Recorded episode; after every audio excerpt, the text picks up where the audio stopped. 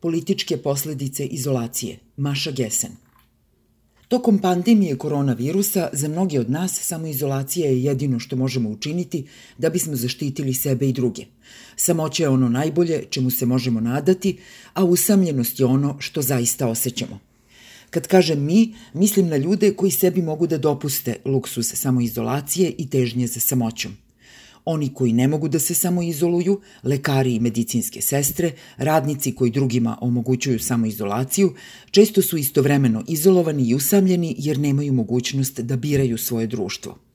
Najsloženije i najpreciznije opise izolacije dala nam je Hannah Arendt u poslednjem poglavlju izvora totalitarizma. Usamljenost je, kaže Arendt, nužan uslov totalitarizma i zajedničko tlo svakog terora – Izolacija i samoća okružuju usamljenost kao dva povezana, ali različita stanja. Primeri koje Arendt navodi, robovi i podanici modernih totalitarnih režima, izolovani su i usamljeni, ali nisu sami. Izolacija, piše ona, može biti početak terora, izvesno je njegovo najplodnije tlo i uvek je njegov rezultat. Izolacija je nemogućnost delovanja s drugima koje je, kaže Arendt, izvor političke moći pojedinca. Izolacija čini ljude nemoćnima.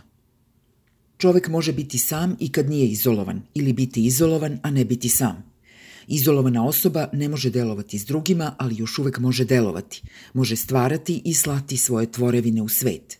Usamljenost je potpuna nemogućnost delovanja, bilo s drugima ili bez njih. Arendt povezuje usamljenost sa stanjem iskorenjenosti i suvišnosti. Nemam mesto u svetu i nemam šta da dam svetu. To stanje je pak povezano s gubitkom onog što ona naziva zdrav razum, a što je zajednička realnost koja nam dopušta da upoznamo sebe, da znamo gde se završavam ja, a gde počinje svet i na koji način smo povezani s drugima. Živimo ne osjećajući zemlju pod svojim nogama.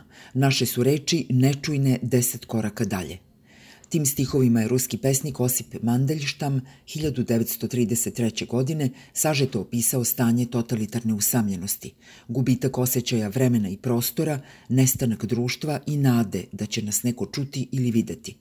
Kad nema povezanosti s drugima, ne može biti glasa.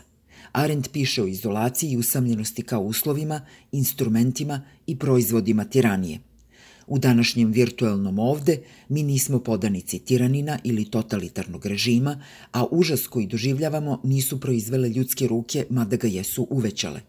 Ipak, reči Hane Arendt o izolaciji i usamljenosti danas snažno odjekuju nama. Pre 8 ili 12 nedelja nije bilo tako. Svake nedelje na Zoomu se srećem sa svojim najboljim prijateljima u Moskvi. Zbog gubitka osjećaja vremena i prostora, vremenska razlika ne remeti mnogo mogućnost da zajedno popijemo piće, a razdaljina među nama, rastojanje koje se merilo kilometrima kao i satima i dolarima potrebnim da se oni pređu, postalo je puka abstrakcija. Moji prijatelji u Moskvi su funkcionalno jednako blizu i jednako daleko kao moja prijateljica čija je kuća nedaleko od moje – Njena kuća je nedaleko, ali ona je slika na ekranu. Što je još čudnije, prošlo je mnogo vremena od kad smo moji moskovski prijatelji i ja imali ovoliko zajedničke realnosti koliko imamo sada. Sada svi doživljavamo sličnu izolaciju, strah, bespomoćnost i gnev. Upoređujemo opise škola koje ne uče decu, bolnica koje ne leče i vlada koje nas izdaju. Naši razgovori se vrte oko odsustva – Govorimo o načinima na koje ne viđamo ljude. Bila sam u gradu u kome žive moj otac i najstarija prijateljica, a nisam ih videla. Kada sam konačno, posle sedam nedelja, videla oca, nosili smo maske i stajali daleko jedno od drugog, tako da su pojedinosti naših lica bile nevidljive. Naši prigušeni glasovi bili su jedva čujni na rastojanju od deset koraka. S mojom prijateljicom na Zoomu, koju vidim jasnije sve dok je u okviru, razgovaram o neviđanju, o mnogim nepoznanicama. Šta znače testovi, ako i šta znače, kada će se pandemija završiti i na šta će onda ličiti svet. Ali postepeno se izmiče tlo ispod tih razgovora. Tanji se naš zdrav razum. Ili se možda podebljava – Ono što doživljavamo tokom naših nedelja izolacije, stvar je zdravog razuma u toliko što doživljavamo slične stvari, ali te stvari su unutrašnje, intimne, teško ih je artikulisati. Teško je takođe znati da li ih uopšte treba izražavati rečima. Tokom prvih nekoliko nedelja razmenjivali smo informacije i utiske o svojim životima i obaveštavali jedni drugi o brzini i načinu zatvaranja gradova u kojima živimo. Razmenjivali smo zapažanja o šoku ili nostalgiji koje u nama izazivaju neki zvuk ili prizor iz života pre pandemije, na primer glasovi pijanih ljudi koji zajedno idu ulicom. A onda je svet izbledeo. Šta sad čini novo iskustvo? Čovek koga jedva poznajem kaže mi tokom profesionalnog razgovora na Zoomu da nedeljama nikog nije dodirnuo i da njegova seksualnost atrofira. Poznanica Ruth Nock, kustoskinja, saopštava na Facebooku. Upravo sam shvatila da više od četiri nedelje nisam dodirnula drugo ljudsko biće, niti je iko dodirnuo mene. Pitam se da li ćemo kasnije deliti čovečanstvo na ljude koji su bili dodirnuti i ljude koji nisu. Oni koji nisu sami u samoizolaciji doživljavaju svađe, sumnje, uspone i padove u svojim odnosima, sudare oko vaspitanja dece. Sve ono čime srećne, nesrećne i promenljive porodice stvaraju zdrav razum koji imamo služeći se konačnim brojem obrazaca u karantinu. Svađe, strahovi i duševni bolovi uvek su postojali, ali su obično bili zaklonjeni od tuđih očiju. Sada je privatni život jedini život koji živimo. Kako to utiče na prijateljstvo koje uvek u mnogim svojim značenjima opkoračuje granicu između javnog i privatnog? Gde je granica sada kada je nestao svaki zajednički prostor? A šta se događa s fizičkim javnim prostorima dok smo mi izvan njih? U osvit doba samoizolacije, u početnoj poplavi mimova, pesama i drugih kulturnih proizvoda, na mrežu je postavljena epizoda Masjanje, ruskog crtača koji postoji već 20 godina o koronavirusu. U njoj se glavna junakinja Masjanja, uvek gunđava i sarkastična, zatvara na godinu dana u karantin s mužem i dvoje dece. Zakucali su daske preko vrata i ostavili samo tanak prorez kroz kojim dostavljači isporučuju naručenu picu. Masjanja razmišlja o ruskoj reči za napolje, snaruzhi, i pretvara je u imenicu, narusha. Ono joj zvuči odbojno. Narusha je nasilje, bolest, politika, prljavština, virusi, bahatost, kriminal i druga sranja, kaže Masjanja na početku porodične samoizolacije. Na kraju oni proviruju iz kuće. Šta je ono, pita Masjanja. Nebo? Ma to je sranje. Jebeš ovu na rushu, samo nevolja. Mogu da vam pokažem šumu u virtualnoj stvarnosti i ima da padnete na dupe. I onda ponovo zakiva daske na vratima. Znamo kako se ona osjeća. Spoljašnjost, fizički javni prostor, sad je puna izdajničkih pregovora i promenljivih pravila društvene interakcije koje nas ostavljaju na milost i nemilost drugim ljudima. Spoljašnjost je zvuk sirena, mesto na koje ideš ako se teško razboliš – Spoljašnjost je poprište bitaka i izvor vesti. Stvari koje postoje u javnom domenu, predsednik, uprava za hranu i lekove, centri za kontrolu i prevenciju bolesti, guverner, gradonačelnik, novine, imaju veći i neposredniji uticaj na naše živote nego ikad ranije, ako izuzmemo prirodne katastrofe, rat ili revoluciju. A naša odvojenost od njih je veća nego ikad ranije. Odsečeni ispražnjenim javnim prostorom postajemo zabrinuta, ali pasivna publika. A šta se događa s politikom u vremenu kao što je ovo? Pre manje od mesec dana videli smo kako glasači na demokratskim predizborima u Viskonsinu rizikuju živote radi mogućnosti da deluju zajedno s drugima, da deluju politički. Nemoguće je makar približno nabrojati sve političke činove koji se ne događaju – školske odbore koji se ne sastaju, organizacije u kampusima koleđa koji se ne formiraju, proteste koji se pretežno ne događaju, novinare koji ne putuju na lice mesta i što je najvažnije, veze koje se ne grade. Naravno, na Zoomu se održavaju protesti i organizacioni sastanci koji poštuju mere socijalnog distanciranja – Održavaju se i webinari koji privlače rekordan broj slušalaca, recimo predavanje Naomi Klein, i postoje advokati koji iz svojih stanova vode veoma važne slučajeve. Ali ti događaji ne zbivaju se u zajedničkim javnim prostorima, a to je i tekako važno. Do sad smo pročitali bezbroj psiholoških objašnjenja o tome da Zoom zamara i frustrira. Ne možemo se gledati u oči, ne možemo čitati izraze lica. Intenzivno i jalovo smo svesni da nešto odrađujemo i ne uspevamo da uskladimo svoje reči, namere i okruženje. Ima i drugih razloga za to što virtualna komunikacija ne postaje politička. Suviše je lako otići, isključiti se, odustati. Nismo u istoj prostoriji s ljudima s kojima moramo da se dogovaramo i naš izlazak ne povlači neprijatnost niti ikakvu fizičku prepreku. Dovoljan je jedan klik koji čak nije ni čujan. Nema srećnih slučajnosti. Povezujemo se tehnički, a ne slučajno, osim kad neko nezvan upadne i ugrozi virtualni sastanak. Ne pravimo one lične ili mentalne veze koje nas navode da mislimo. Naš zdrav razum ne postaje ni tanji ni deblji, prosto postaje memljiv.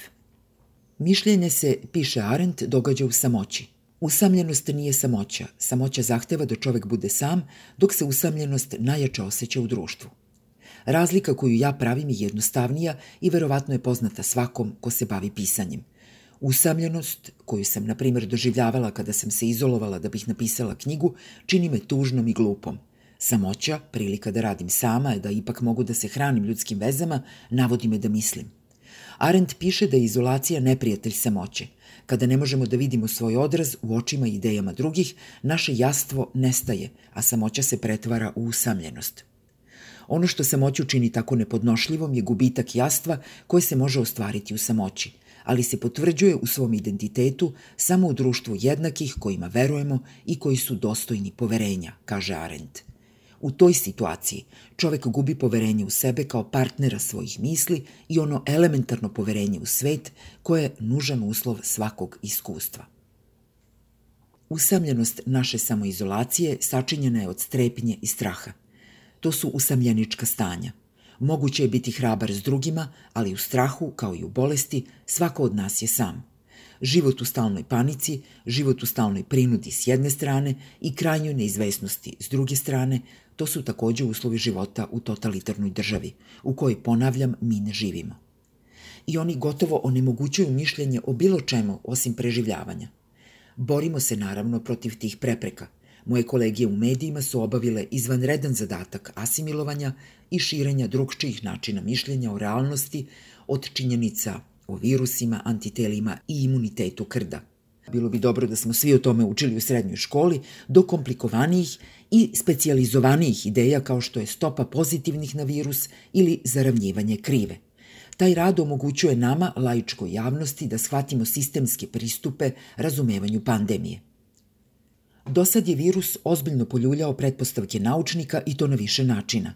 Jedan od njih je mogućnost asimptomatskog širenja, pojava koja je istovremeno izgledala tako neverovatna i tako zastrašujuća da je naučni konsenzus kaskao za očiglednim dokazima.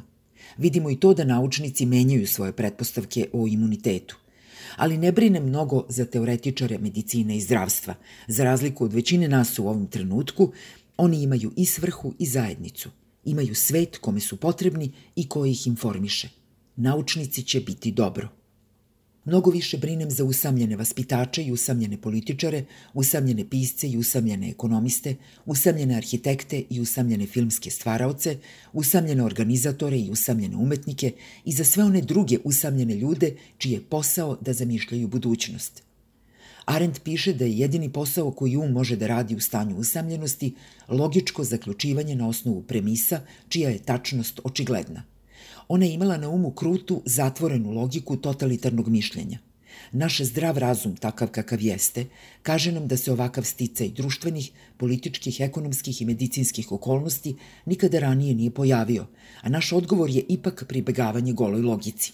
Sad, kada bi trebalo da razmišljamo o svetu uzemne povezanosti i zajedničkih resursa, mi se ograđujemo individualno i kolektivno i učvršćujemo granice nacionalne države kada bi trebalo da razmišljamo kako da uzemno podržimo preživljavanje i preispitamo samu pretpostavku da džinovski monolit zvani ekonomija zahteva da u njega ulažemo više truda i sredstava nego u opšte zdravlje i individualno blagostanje, mi trošimo nezamisliva monetarna i intelektualna sredstva na nastojanje da održimo prethodni ekonomski status quo kada bi trebalo da bude jasnije nego ikad da smo onoliko dobro koliko je dobro naš najbolesniji član, mi dopuštamo da zdravstvo funkcioniše kao biznis uz minimalne intervencije. Nešto od toga događa se naravno zato što našu saveznu vladu vode poremećeni zločudni narcis i njegovi pomagači, ali to nije jedini razlog. Sada smo svi usamljeni i bar u izvesnoj meri tužni i glupi. Ideja da moramo da menjamo svet da bismo preživeli ovu krizu i napredovali poslednje nameće se samo od sebe. U čudesnom ogledu objavljenom prošlog meseca Arundhati Roy je pandemiju nazvala kapija. Možemo odlučiti da kroz nju prođemo, vukući za sobom leševe naših predrasuda i mržnji, naše pohlepe, naših banaka podataka i mrtvih ideja, naših mrtvih reka i zadimljenog neba. Ili možemo proći lako, s malo prtljaga, spremni da zamislimo drugačiji svet. Naomi Klein je primetila da su ideje koje su izgledale radikalne samo nedelju dana pre nego što je pandemija pogodila Sjedinjene države, nedelju dana kasnije postale zdravorazumske. Među njima su zdravstvena zaštita za sve, krov nad glavom za sve, školovanje bez dugova i zeleni New Deal. Ali te ideje ne mogu biti nakalemljene jednim potezom. O njima se mora misliti. Plaši me pomisao da u vreme kada je mišljenje preko potrebno ima tako mnogo usamljenosti – i tako malo samoće.